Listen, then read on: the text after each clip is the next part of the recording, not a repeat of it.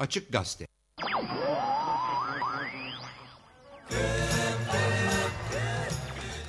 Açık Radyo 94.9'dasınız ve Açık Gazete programı devam ediyor. Saat tam 9 ve birazdan Noam Chomsky ile Cuma günü İstanbul Armada Oteli'nde gerçekleştirdiğimiz mülakata gireceğiz. Noam Chomsky'nin kim olduğu hakkında fazla bir bilgiye e, gerek olduğunu zannetmiyorum ama kendisinin dünyanın en büyük dil bilimcilerinden biri olduğunu ve onun da içinde bulunduğu grubun yaptığı kendisine mal edilen teorinin henüz çürütülemediğini dil bilim konusunda olduğunu belirtelim. Aynı zamanda MIT Üniversitesi'nin bölüm başkanı hem dil bilim hem felsefe bölümü başkanı siyasi analizleri ve dünya çapındaki muhalefet hareketlerinin önde gelen düşünürlerinden biri olduğunu da söyleyelim. 50'den fazla kitabı var çeşitli konularda ve kendisi burada Türkiye'de hem e, KESK Kamu Emekçileri Sendikası Konfederasyonu hem de Yayıncılar Birliği'nin düzenlediği Barış ve Demokrasi platformunda konuşma yaptı cumartesi günü. Hem de Yayıncılar Birliği tarafından kendisine verilen barış ödülünü aldı. Aldı. Bugün e, Diyarbakır'a gidiyor. Salı günü de ülkeyi ülkeden ayrılacak konuşmaları e, dolayısıyla yılda 100 kadar ülkede Amerika içinde ve çeşitli ülkelerde 100 kadar konferans veriyor ve aynı zamanda da yazılar yazmaya devam ediyor. Şimdi kendisiyle yaptığımız mülakatı çok e, bizce çok önemli e, dünyaya değinen açıklamalar yaptı ve aşağı yukarı insan türünün ayakta kalma şansına kadar indiğimiz bakterilerle farkımızın ne olduğunu da dahi konuştuğumuz insanlar olarak aynı zamanda Avrupa Birliği'ni aynı zamanda da nükleer tehdidin ve dünyanın yok olması ihtimalinin neler olduğunu konuştuğumuz çok kapsamlı fakat özlü bir konuşmayı yayınlıyoruz. Do you think in the global and geopolitical context there can ever be an independent force challenging the ever-growing US hegemony?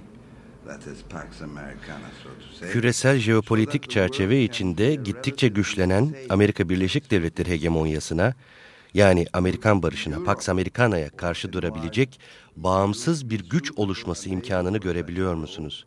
Yani dünyanın dürüst vatandaşlar için nispeten daha güvenli bir yer haline gelebilmesi için bir imkan görebiliyor musunuz? Avrupa genişleyen Avrupa Birliği böyle bir karşı durma rolü için uygun mu ve bu rolü oynayabilecek durumda mı? Özellikle Orta Doğu açısından bir alternatif söz konusu mu? Irak'ın istilası ihtimali giderek artıyor, neredeyse kesin gibi. Bu olursa Irak'ın istilasından sonraki yeni dünya düzeni sizce nasıl olacak? Avrupa Birliği dışında kalırsa Türkiye'nin pozisyonu ne olur? Amerika Birleşik Devletleri, Türkiye, İsrail ve Filistin otoritesi arasındaki ittifak güçlenir mi sizce? U.S. power looks uh, overwhelming superficially, but I think it's extremely fragile. Uh, in many respects, the United States is not as powerful now as it was 50 years ago relative to the world. Her şeyden önce kişisel görüşüme göre Amerika Birleşik Devletleri'nin gücü yüzeyde müthiş gibi görünüyorsa da aslında son derece kırılgan. Amerika Birleşik Devletleri birçok bakımdan 50 yıl öncesine kıyasla dünyaya göre çok daha güçsüz. Mesela dünya refahındaki, dünya üretimindeki payına bakarsanız 1940'larda bu pay yaklaşık %50 idi. 1970'lerin başına gelindiğinde bu pay yüzde 25'e düştü. Bu hala muazzamdı tabii ama yüzde 50 de değildi. Amerika Birleşik Devletleri 2. Dünya Savaşı'ndan bu yana daima dünyadaki başlıca askeri güç olmuştur. Şu anda da dünyadaki bütün diğer askeri kuvvetin toplamından daha büyük bir güce sahip. Ama askeri güç kudretin sınırlı bir biçimidir. Çünkü birçok unsur tarafından sınırlandırılmış bir güçtür bu ve sınırlayan faktörlere Amerika Birleşik Devletleri'nin içteki gelişmeleri de dahildir. Denetim sistemi bence çok kırılgan. Bu gücü kullananlar da bunun pekala farkında. İşte onun içinde müthiş bir propaganda kampanyası yürütülüyor. And now it's it's huge, including the United States, far beyond anything that's ever happened before. It's global. I mean, the war has almost no Mesela şimdi şu yaklaşan Irak Savaşı'nı ele alalım. Tarihte halk arasında şimdiye kadar böylesi büyüklükte bir savaş protestosu örneği olduğunu sanmıyorum. Herhangi bir yerde tarihte hiç olmadı. Üstelik unutmayın savaş patlamadan önce. Aslında bir savaş çıkmadan önce ona karşı çıkıldığının tarihte daha önce herhangi bir örneğini hatırlamıyorum. Şimdi ise muazzam. Amerika'da dahil şimdiye kadar olmuş herhangi bir protestonun çok çok ötesinde boyutlarda. Bütün dünyaya yayılmış durumda. Savaşa neredeyse hiçbir destek yok. İngiltere hükümeti destekliyor bir tek ama bu hükümetin halkından da hiç destek yok. Bir de İsrail hükümeti var destekleyen. O da tabii kendi sebepleri yüzünden. Bunların dışında tek bir destek bile yok bu savaşa. Amerikan halkını bu savaşa katlanabilecek hale getirmek için bile devasa bir propaganda kampanyası yapılması gerekti. Desteklemesi değil, katlanabilmesi için. Hayatlarının tehlikede olduğuna onları inandırmak için gerekti bu kampanya. Dünyaya bir bakın. Kim korkuyor Saddam'dan? Yani herkes nefret ediyor ondan tabii ama korkan var mı? Kuvvetliler korkmuyor, İranlılar korkmuyor. Aslında bakılırsa Amerikalılardan başka korkan yok. Tek korkan Amerikalılar. Onlar hakikaten Saddam'dan korkuyorlar. Amerika'da sürekli konuşmalar yapıyorum. Belki binlerce kişi geliyor her birine. Bakıyorum çok kaygılılar. Eskisinden çok daha büyük korkular içindeler. Vietnam Savaşı zamanından bile çok daha fazla korkuyorlar. Ama o korku da savaşın başlamasından yıllarca sonraydı. Ama tabii savaşı gerçekten durdurmak isteyen insanların, bundan çok kaygı duyanların, bir de korkudan deliye dönmüş olanların iç içe bulunduğu bir karışım var. Onu şimdi durdurmazsak yarın gelip bizi öldürecek. Bu lafları medyadan, başkandan ve başkalarından her Allah'ın günü duyuyoruz. That's a sign of the fragility of power. About the European Union, and Turkey's accession to it. Uh, Ama bu bir zayıflık belirtisidir. Kudretin zafiyetinin belirtisi. Halk bir savaşa katlansın, onu tolere etsin diye böyle bir propaganda kampanyasına başvurmak zorunda kalmak zayıflık işaretidir. Şimdi 40 yıl geriye Kennedy'nin Güney Vietnam'a karşı aç, savaş açtığı döneme gidelim. Kennedy'nin hiçbir propaganda ihtiyacı yoktu. Kimin umurundaydı savaş? Başka bir ülkeyi bombalamak mı istiyorsun? Bombalarsan bombala. Kimsenin umurunda değildi. Şimdi ise durum adam akıllı farklı. Bırakın pür heves savaşı desteklemeleri, sadece bir savaşı tolere etmeleri için dahi insanları korkutup dehşete düşürmek amacıyla kitlesel propaganda kampanyaları yapmak gerekiyor. Daha da geriye gidelim. Mesela Birinci Dünya Savaşı'nı alalım. Her tarafta işin içine karışan bütün ülkelerde halklar coşkuyla destekliyorlardı savaşı. Entelektüeller de öyle. Kendi ülkelerini kuvvetle destekliyorlardı. Savaşın ilk birkaç yılında tabii. Şimdi ise dünyanın her yerinde ezici bir savaş karşıtlığı var. Bu da kudretin zayıflığının bir kanıtı. Şimdi sorunuzun öbür kısmına dönersek, Avrupa Birliği ve Türkiye'nin üyeliği meselesine. Bunlar birbirine bağlı zaten. Avrupa Birliği prensip olarak Amerika Birleşik Devletleri'ne karşı bir güç olabilir. Ekonomisi Amerika'nınkine denk hatta ABD ekonomisini geçiyor belki de. Nüfusu eğitimli, işleyen bir sosyal sistemi var. Evet müthiş miktarda silahı yok ama askeri güç Amerika Birleşik Devletleri ile rekabet açısından tek geçerli faktör de değil. Öte yandan Amerika Avrupa Birliği bağımsız bir yol izleyebilir. Türkiye Avrupa Birliği'ne girsin diye Amerika Birleşik Devletleri'nin bu kadar hevesle uğraşmasının sebeplerinden biri de Türkiye'yi potansiyel bir Truva atı olarak görmesi. Avrupa Birliği'nin bağımsız yönde ilerlemesini baltalayacak bir Truva atı. Amerika Birleşik Devletleri tamamen aynı sebeple Doğu Avrupa ülkelerinin Avrupa Birliği'ne katılması için de çok bastırıyor. Avrupa Birliği'nin dünyada bağımsız bir güç olmasından korkuyor çünkü. Aynı şey Asya için de geçerli. Birkaç yıl geriye gidelim. 1997-98'de Asya krizi gelirken Japonya şimdi tam hatırlamıyorum ama 100 milyar dolar gibi devasa bir fon vermeyi önermişti. Asya ekonomilerini acil durumda ayakta tutmak için. Sonradan mali bir kriz patlak vermesin diye.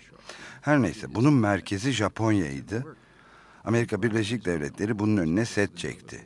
Merkezi Japonya olan bağımsız bir Asya'da istemiyor çünkü. Kendi yolunda gidebilecek olan. Bu gene de oluyor ama.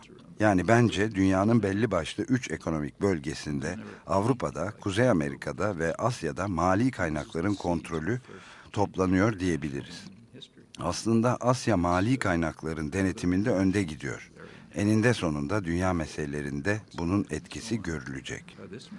Bunun dışında tüm uluslararası ekonomik rejimin, neoliberal rejimin başı fena halde belada. Sırf ekonomik açıdan, ekonomik terimlerle bakarsak tam bir başarısızlık var. Öncelikli amacı açısından yani her yerde görüldüğü gibi demokrasinin altını oymak açısından bakılırsa başarılı bir rejim bu. Ama insanlar hiç hoşnut değil. Kuralların en sıkı şekilde uygulandığı bölgelere mesela Latin Amerika'ya bakıldığında buralardaki ülkelerin ekonomik açıdan en kötü durumda olduğu görülür. Buralarda formel olarak demokrasi var fakat demokratik kurumlara inanç keskin bir biçimde düşmekte. Tıpkı Amerika'da olduğu gibi, Amerika Birleşik Devletleri'nde. Çünkü bu kurallar işlemiyor. İşlememesinin sebeplerinden biri de kasıtlı olarak demokrasinin altını oyan neoliberal programlar. Bu da çok zayıf, kırılgan bir sisteme götürüyor işi. Dünyanın dört bir yanında buna karşı koyan halk hareketleri var ve bunlar daha önce hiç yoktu. Küresel adalet hareketi gibi bir şey daha önce hiç görülmemişti. Biliyor musunuz? Bu tarihteki ilk gerçek enternasyonelin tohumu. Daha önceki enternasyonel'ler çok dar tabanlıydı ve dışarıdan kontrol ediliyorlardı. Ama bu sahici. Porto Alegre'ye gidin. Bu yıl belki 100 bin kişi toplanacak orada. Dünyanın dört bir yanından. Campesinosu, çevrecisi, kuzeyli işçisi. Yani akla gelebilecek her türden insan. Ve çok coşkulu, kanlı canlı, dünyayı değiştirmekte çok kararlı. Bütün bunlar önemli gelişmeler. Dolayısıyla sistem güçlerinin hiç de o kadar kök salmış olduğu kanısında değilim. Dünyanın efendileri de bunu biliyorlar zaten. Şimdi daha dar sorunuza, Avrupa Birliği ve Türkiye'nin üyeliği meselesine geçersek, Amerika Birleşik Devletleri'nin bunu bu kadar bastırmasının önemli sebeplerinden biri de bu. Tabi daha dar bir sebebi de var. Türkiye'nin Irak'ta yaklaşan savaşın içinde rol almasını istiyor. Bu bir çeşit rüşvet. Ama bu kısa vadedeki amacı. Amerika Birleşik Devletleri'nin uzun vadedeki çıkarı ise gayet basit. Avrupa Birliği'nin altını oymak. Elbette Türkiye bu rolü oynamak zorunda değil. Bu bir tercih meselesi tabii ki. Ama bence mevcut sistemin çökmesini görebilmemiz için birçok imkan ve aslında bayağı ümit var. Yani zamanlama sorunu var tabii. Küresel yıkım yönündeki hareketler çok hızlı. Halkların bunu durdurmak için muhalefetine zaman yetecek mi? Ha, bu sorunun cevabı çok net değil. And the rules were that three commanders have to agree to send off a nuclear missile. Well, uh, the submarines were attacked by U.S. destroyers, uh, and two of the commanders decided to respond with the nuclear missile. One countermanded the order, and that if if there had been a nuclear missile going, we'd be we'd all be dead. You know, that'd the end of the northern hemisphere. That's how close it was. Şimdi bakın bilmiyorum burada tartışması oldu mu ama çok şaşırtıcı bir bilgi daha geçenlerde elimize ulaştı. Ekim ayında. İnsan türünün ayakta kalmasının ne kadar bıçak sırtında durduğunu ortaya koyan bir bilgi. Bu muhtemelen tarihte bugüne kadar insanlara açıklanan en çarpıcı bilgiydi. Bu Havana'da Küba füze krizinin 40. yıl dönümü dolayısıyla yapılan zirvede açıklandı. Füze krizi sırasında karar verme durumunda olan Rus-Amerikan liderleri ve Kübalılar katıldı bu zirveye. Burada füze krizine ilişkin bir takım yeni bilgiler de ortaya çıktı. Arasında şu gerçek de vardı. dünya kendisini yok edecek bir nükleer savaştan tek bir Rus denizaltı komutanı sayesinde kurtulmuştu. Krizin doruk noktasında Kennedy Küba'yı çepeçevre saran bir abluka emri vermişti. Deniz ablukası. Küba'ya gelen Rus gemileri vardı. Bu gemilerin ablukayı ihlal edip etmeyecekleri belli değildi. Bu gemilere denizaltılar eşlik etmekteydi. Şimdi anlaşıldığına göre denizaltılar nükleer başlık taşıyordu. Geçen Ekim'deki bu zirveye kadar bundan kimsenin haberi yoktu. Şimdi Rusya'da nükleer füze, füzeleri kullanma yetkisi tıpkı Amerika'da olduğu gibi merkezde değildi. Hala da öyledir. Bu yetki aşağı kademelere, komutanlara bırakılmıştır. O günkü kurallara göre nükleer füze atma konusunda üç komutanın anlaşmaya varması gerekiyordu. Denizaltılar Amerikan destroyerleri tarafından izlenmeye başlamıştı. Rus denizaltı komutanlarından ikisi nükleer füzelerle buna cevap vermeye karar verdiler. Üçüncü komutansa bu emrin iptalini sağladı. Eğer o gün tek bir füze fırlatılmış olsaydı bugün hepimiz ölmüş olacaktık. Bu kuzey yarı kürenin sonu demekti. İşte bu kadar kıl payı. Şimdi orada neyin söz konusu olduğunu düşünürseniz bugün de çok gündemde olan iki şeyin olduğunu görürsünüz. Uluslararası terör ve rejim değişikliği. Kennedy yönetimi Küba hükümetini devirmek için dev bir uluslararası terör kampanyası yürütüyordu. Bu uluslararası terör ve rejim değişikliğidir işte. Ruslar buna karşılık olarak çılgınca bir davranışla oraya nükleer füze yerleştirmişti ama olayın bağlamı buydu. Ve bu neredeyse Kuzey Yarımküre'nin yok oluşuna götürüyordu. Şimdi de aynı meseleler karşımızda. Ama şimdi daha da gergin ve tehlikeli. İşte vardığımız yer burası. Bu haber dünyanın her yerinde, her Allah'ın günü, her gazetede birinci sayfadan manşet olmalıydı. Bu gerginlik ve tehlike sürüp gidiyor. Ha, şunu da eklemek lazım. Eminim bu haber burada Türkiye'de haber olmamıştır. Amerika Birleşik Devletleri'nde olmadı, İngiltere'de olmadı bildiğim kadarıyla. Bu yılın 23 Ekim'inde Birleşmiş Milletler Genel Kurulu'nda yani ona tekabül edecek bir karar organında iki hayati karar aldı. Birinci karar 1925 Cenevre Sözleşmesi'ni kimyasal silahların kullanılmasını yasaklayan sözleşmeyi yeniden onaylıyordu. İkincisi ise uzay antlaşmasını yeniden onaylıyordu. Yani uzaya saldırı silahlarının konuşlandırılmasını yasaklayan sözleşmeyi oylamada sadece iki ülke çekimser kaldı. Amerika Birleşik Devletleri ve İsrail. Ama İsrail zaten otomatiğe bağlamıştır. Amerika ne yaparsa o da onu yapar. Şimdi çok dikkate değer bir durum değil mi bu? Şu anda kimyasal silahların yasaklanmasından daha önemli bir şey olabilir mi? Ve de uzaya saldırı silahlarının yerleştirilmesinin yasaklanmasından. Bu arada şunu da söyleyeyim Amerika Birleşik Devletleri'nin çekimser kalması antlaşmanın öldüğü anlamına gelir tabii. Ve koca Amerikan basınında, Amerika Birleşik Devletleri basınında bununla ilgili tek kelime çıkmıyor. Amerika Birleşik Devletleri'nde basın üzerinde etraflı araştırmalar yapılır. Dolayısıyla bu konuda hiç haber yapılmadığını söyleyebiliriz. Avrupa'da kimse basında neler yazıldığını araştırmaz. Dolayısıyla bundan emin olamayız ama böyle bir habere rastlayan kimseye rastlamadım. Burada Türkiye'de de bu haberin çıktığını sanmıyorum. Ama bu haberdir. Kamuya ait bilgidir. Ajanslarda da yer aldı. Haber merkezlerine gitti. Ama bu gibi haber ve bilgiler halka söylenmiyor. Bu kadar basit. Ve hep böyle sürüp gidiyor. Fakat bütün bunlar şunu gösteriyor ki dünyanın karşı karşıya olduğu tehlike son derece büyük. Ve halkların gücü zamanında örgütlenip sistemin bu yıkım gücünü alt edebilecek mi? Bu sorunun cevabı hiç de o kadar net değil. Şu andaki Amerika Birleşik Devletleri yönetimi o kadar aşırı ki şahinleri bile korkutuyor. Şimdilerde Amerika Birleşik Devletleri'nin tutucu sağ kanat yerleşik düzeni içindeki şahinimsi tutucu unsurlar tarafından son derece sert bir şekilde eleştiriliyor. Çünkü bu unsurlar yönetimden korkuyorlar, yönetimdeki insanların akıllarını kaçırmış olduklarını düşünüyorlar. Havana zirvesi konusundaki haber ne zaman yayımlanmıştı acaba ve nerede yayımlanmıştı? Geçen Ekim ortalarında, yaklaşık olarak 15 Ekim'de Tam tarihini size verebilirim isterseniz. Ama hani şöyle ellerinin tersiyle yayımlamışlardı neredeyse.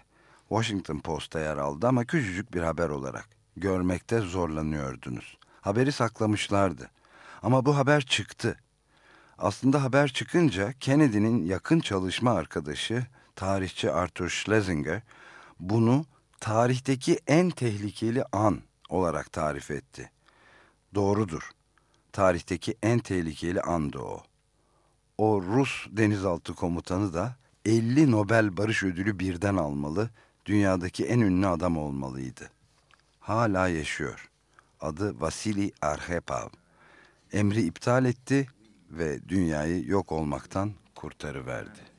Entering a period of human life that may be that may provide an answer of whether to be smart than stupid.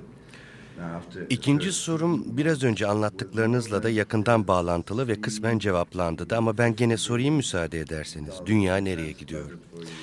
Bir yıl önce Hindistan'da, Madras'ta, Chennai'de verdiğiniz konferansta şöyle demiştiniz. İnsan hayatında öyle bir döneme giriyoruz ki zeki ve akıllı olmanın aptal olmaktan daha mı iyi olduğu sorusuna cevap getirebilecek bir dönem olabilir bu.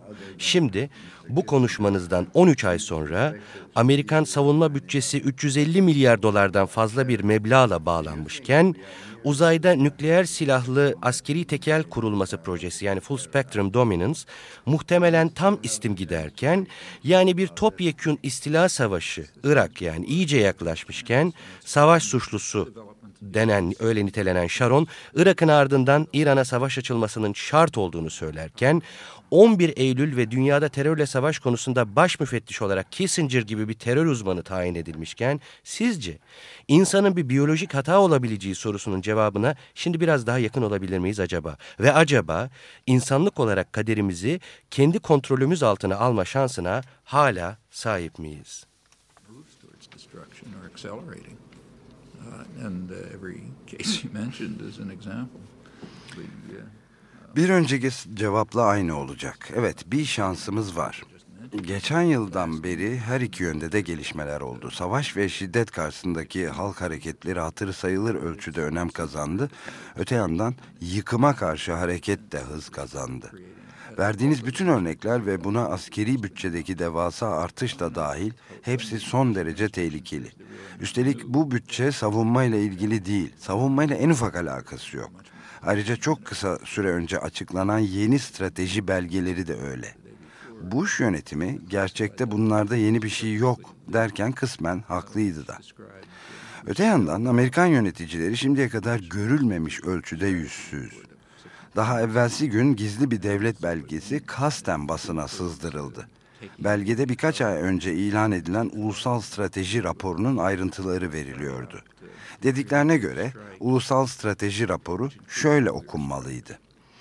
Amerika Birleşik Devletleri şimdi tedbiran vurma yetkisini üstlenmekteydi.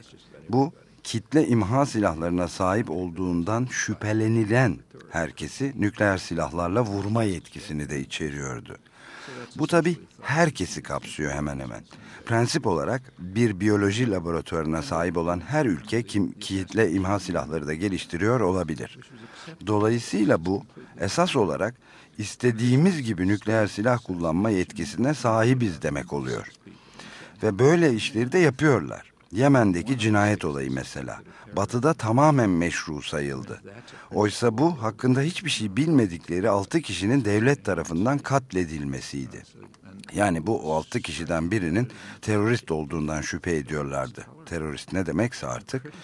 Dünya düzeninin ilkesi buysa herkes görüldüğü yerde katledilebilir demektir. Asıl çarpıcı olan da sadece bunu yapmış olmaları değil, bunun hoş görülmesiydi.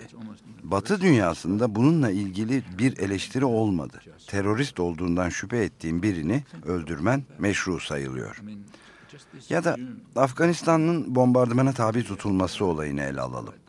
Batı entelektüel kültüründe soldan sağa bütün tayf içinde bu bombardıman neredeyse bütün dünyada haklı savaş paradigması örneği olarak tanımlandı. Ama bir düşünelim bakalım neydi bu? Daha geçen Haziran'da FBI Başkanı terörizm soruşturması kapsamında kongre ve senato önünde verdiği ifadede Amerika Birleşik Devletleri'nin 11 Eylül komplosunun Afganistan'da planlandığına inandığını söyledi. Yani Amerika Birleşik Devletleri bunu bilmiyor ama inanıyor ki Afganistan'da planlanmış. Almanya'da ve Birleşik Arap Emirlikleri'nde yürürlüğe konmuş. O zaman bunun anlamı şu. Komplo ile ilgili bir şekilde ilgisi olduğuna inandık, hala inandıkları için 9 ay sonra Afganistan'ı bombalayabiliyorlar ve bu Batı entelektüel kültüründe haklı savaşın paradigma örneği oluyor. Hani Naziler bundan iyisini yapamazlardı. Ve eğer bu meşruysa yani bir ülkeyi orada birinin bir terörist hareketle belki de bağlantısı olduğunu düşündüğün için bombalıyorsan o zaman Amerika Birleşik Devletleri'ni, Türkiye'yi, İngiltere'yi ya da başka bir ülkeyi bombalayabilecek ülkelerin uzun bir listesini çıkarabilirsin. Ve bunun batı kültüründe meşru hatta kuşku götürmez derecede meşru olduğunun kabul edilmesi olgusu çok önemli. Şimdi bakın Türkiye'de son günlerde sürüp giden tartışmayı yani Türkiye'nin Avrupa Birliği'ne girebilecek kadar yüksek bir standarda, seviyeye ulaşıp ulaşmadığı yolundaki tartışmayı izlemek bana oldukça ilginç geliyor. Bu çok şaşırtıcı. Avrupa Birliği medenileşmemiştir, ilkeldir. Yani Türkiye Avrupa Birliği'ne üye olmalıdır belki de. Ama yüksek standartlarından dolayı değil, bağlı bulundukları yaşama standartları sadece tarihi bakımdan değil, tarihi şartları ayrıca konuşmalıyız. Ama şimdiki standartları da fecidir. So to go on with number three anyway, the, especially within the light of what you have just said about the discovery of the ee, peki devam edersek özellikle Küba füze kriziyle ilgili olarak geçenlerde ortaya çıkan gerçekler hakkında söylediklerinizin ışığında. Yani e, 40 yıl önce neredeyse tamamen yok olmanın tam eşiğine gelmiş olduğumuz düşünülürse şöyle bir soru soralım. İnsan türü kendini ve tabii kendisiyle birlikte pek çok başka türü de yok etmeyi başarırsa Örneğin bilim adamı James Lovelock'un şu fikrine katılır mıydınız? Yani insan silinip gider ama tabiat ana bazı eski türler ve yeni evrimleşecek başka türlerle birlikte eskisi gibi ama insansız yoluna devam edip gider mi sizce? Uh, biological success is measured basically by numbers. You know, so how successful a species is, well, you ask how many of them are around. Tabii. Birçok bakteri dolaşıyor olacak etrafta. Birçok börtü böcek, hamam böceği. Aslına bakarsanız sadece biyolojik açıdan bakıldığında biyolojik başarının temelde sadece sayılarla ölçüldüğünü göreceksiniz. Yani bir türün ne kadar başarılı olduğu etrafta o türden kaç tane bulunduğuna bağlı. Bu ölçüt, bu kriter açısından alındığında insan hayli başarısız bir tür çok kısa bir zaman öncesine kadar yani son 10 bin yıl içinde ki hiç denecek kadar kısa bir zamandır bu. Dünya üzerinde oraya buraya dağılmış olarak yaşayan çok az sayıda insan vardı. Birkaç on bin insan. Oysa hamam böcekleri ve bakteriler her yerdeydi. Dolayısıyla biyolog Ernst Mayer'dan bir alıntı yapacak olursak, Mayer'ın görüşüne göre başarılı olan türler bir çeşit aptaldırlar. Tabii bu bir şaka olarak söyleniyor. Yani spesifik bir ekolojik nişe adapte olmuş, kendilerini ona uyarlamışlardı. Hamam böcekleri gibi. Ya da çok hızlı bir mutasyonu gerçekleştirme yetisine sahiptiler, bakteriler gibi. Sonunda yalnız insanların değil, büyük memelilerin de bir biyolojik hata olduğu ortaya çıkabilir aslında. Yani onların kaderi de çok uzun süre ayakta kalmak, yaşamak olmayabilir. İnsanları ele alırsak onlar artık daha şimdiden yani insanlığın çok kısa bir tarihi var. Homo sapiens yani biz sadece 100 bin ya da 200 bin yıl geriye gidiyoruz. Bu nedir ki? Göz açıp kapayıncaya kadar geçen bir süre.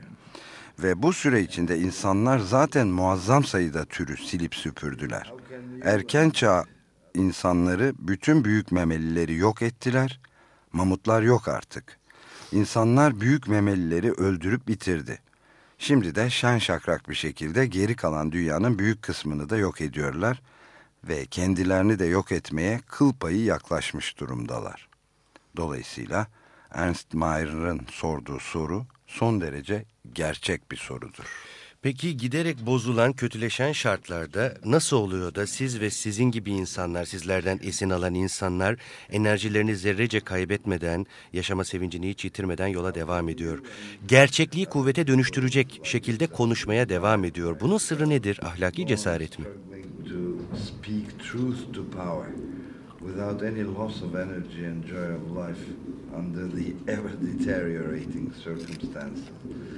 is perhaps moral courage the greatest secret?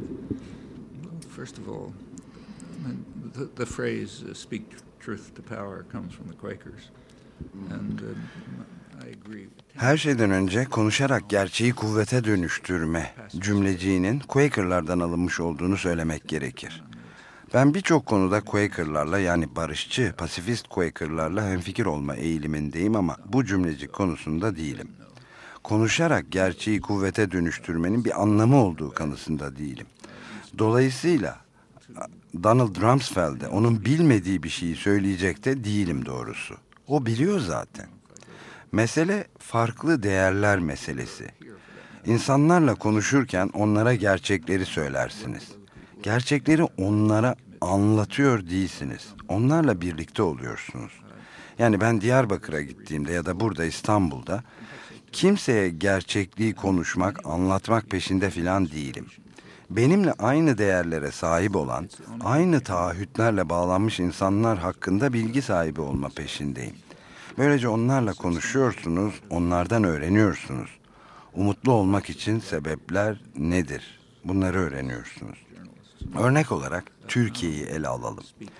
Türkiye birçok açıdan batılı entelektüeller için bir esin kaynağı olmalıdır entelektüel sınıfın hatırı sayılır bir kesiminin, yazarların, sanatçıların, gazetecilerin ve başkalarının yalnızca özgürlük ve ifade özgürlüğü için mesela sesini yükseltmekle kalmayıp aynı zamanda bu konularda fiilen bir şey yaptıkları tek ülke Türkiye'dir bildiğim kadarıyla. Yani sürekli tehdit ve tehlikeler altında yapıyorlar bunu. Yaşar Kemal gibi birine nerede rastlayabilirsiniz ki?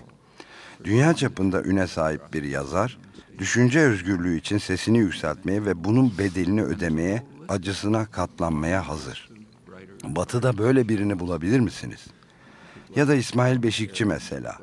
Bu adam 15-20 yıl hapiste yatma cezasını göze aldı ve buna katlandı. Kendi devletinin yaptığı zalimliklere karşı gerçekliği dile getirmek adına. Böyle birini batıda görebilir misiniz?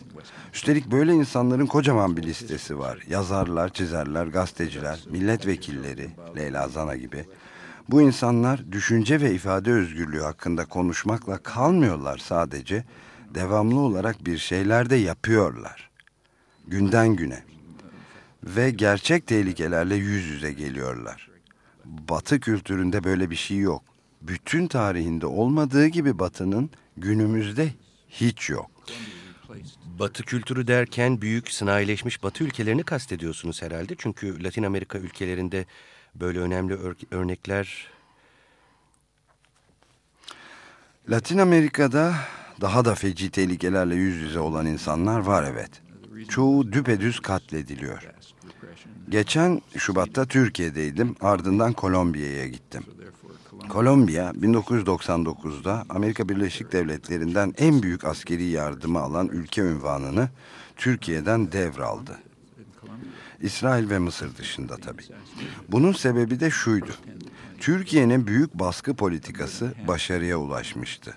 Oysa Kolombiya'nınki başarıya ulaşmamıştı. O yüzden en büyük askeri yardım alan ülkeler arasında birinci sıraya yükselen Kolombiya oldu. Amerika Birleşik Devletleri askeri yardımı tutarlı bir şekilde insan haklarını ihlal edenlere akmaktadır.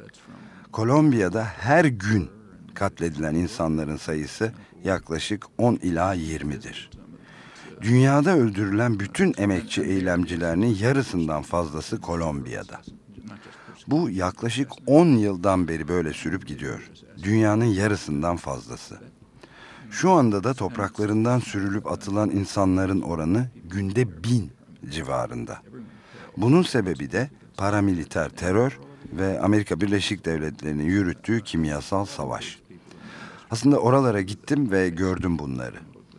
Evet, orada entelektüeller seslerini yükseltiyorlar. Sadece baskıya karşı değil, katledilme tehlikesine de rağmen ve gerçekten de katlediliyorlar. Ama tabii Diyarbakır yöresindeki köylüler ve insanlar onların durumu karşısında da dünyadaki başka şeylerin insanların durumunun önemi azalıyor.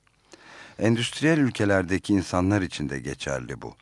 Onlar bu son bu derece baskı ve zulümle karşı karşıya değiller. Dolayısıyla sorunuza dönecek olursak insanı cesaretlendirmek ve gerçekliği konuşarak kuvvete dönüştürme konusunda tırnak içinde epey umutlanacak durumda var ortada. Evet belki Doğu Timor halkının gösterdiği cesarete de bakarak umutlanabiliriz. Evet onların gerçekleştirdiği şeyi akıl hafsala almaz. Yani 800 bin nüfuslu bir ülkenin devasa bir askeri kuvvetin ABD, İngiltere ve Fransa'nın desteğiyle giriştiği soykırıma yönelik istilasına dayanabilmesi fikri. Böyle bir şeyin mümkün olabileceğine kim inanırdı? 1970'lerde bu istila ve istilaya verilen batı desteğine karşı muhalefet başladığında ben de hemen işin içine girdim. Ama bunun bir yere varacağını aklımdan bile geçirmiyordum doğrusu. Düşünülemez bir şeydi. Her şeye rağmen bağımsızlık referandumunda oy kullandılar. Referandumun ardından katledildiler ve Batı da katliamı desteklemeyi sürdürdü. Ta ki nihayet kamuoyu baskısı Clinton'ı Endonezya'ya çekilmesi için emir vermek zorunda kalana kadar. İşte burada alınacak bir ders var. Batılı entelektüellerin öğrenmeyi reddettikleri bir ders. Çok açık bir ders. Clinton'ın yapması gereken tek şey vardı. Endonezya generallerine bu iş bitti demek. Dediği zaman da ertesi gün çekildiler zaten. Aynı şey Kürtlerin bulunduğu bölgelerdeki baskılar için de geçerliydi.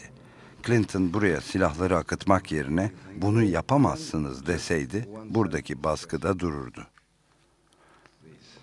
This wasn't included in the list. Sorry for the Uh, one sec.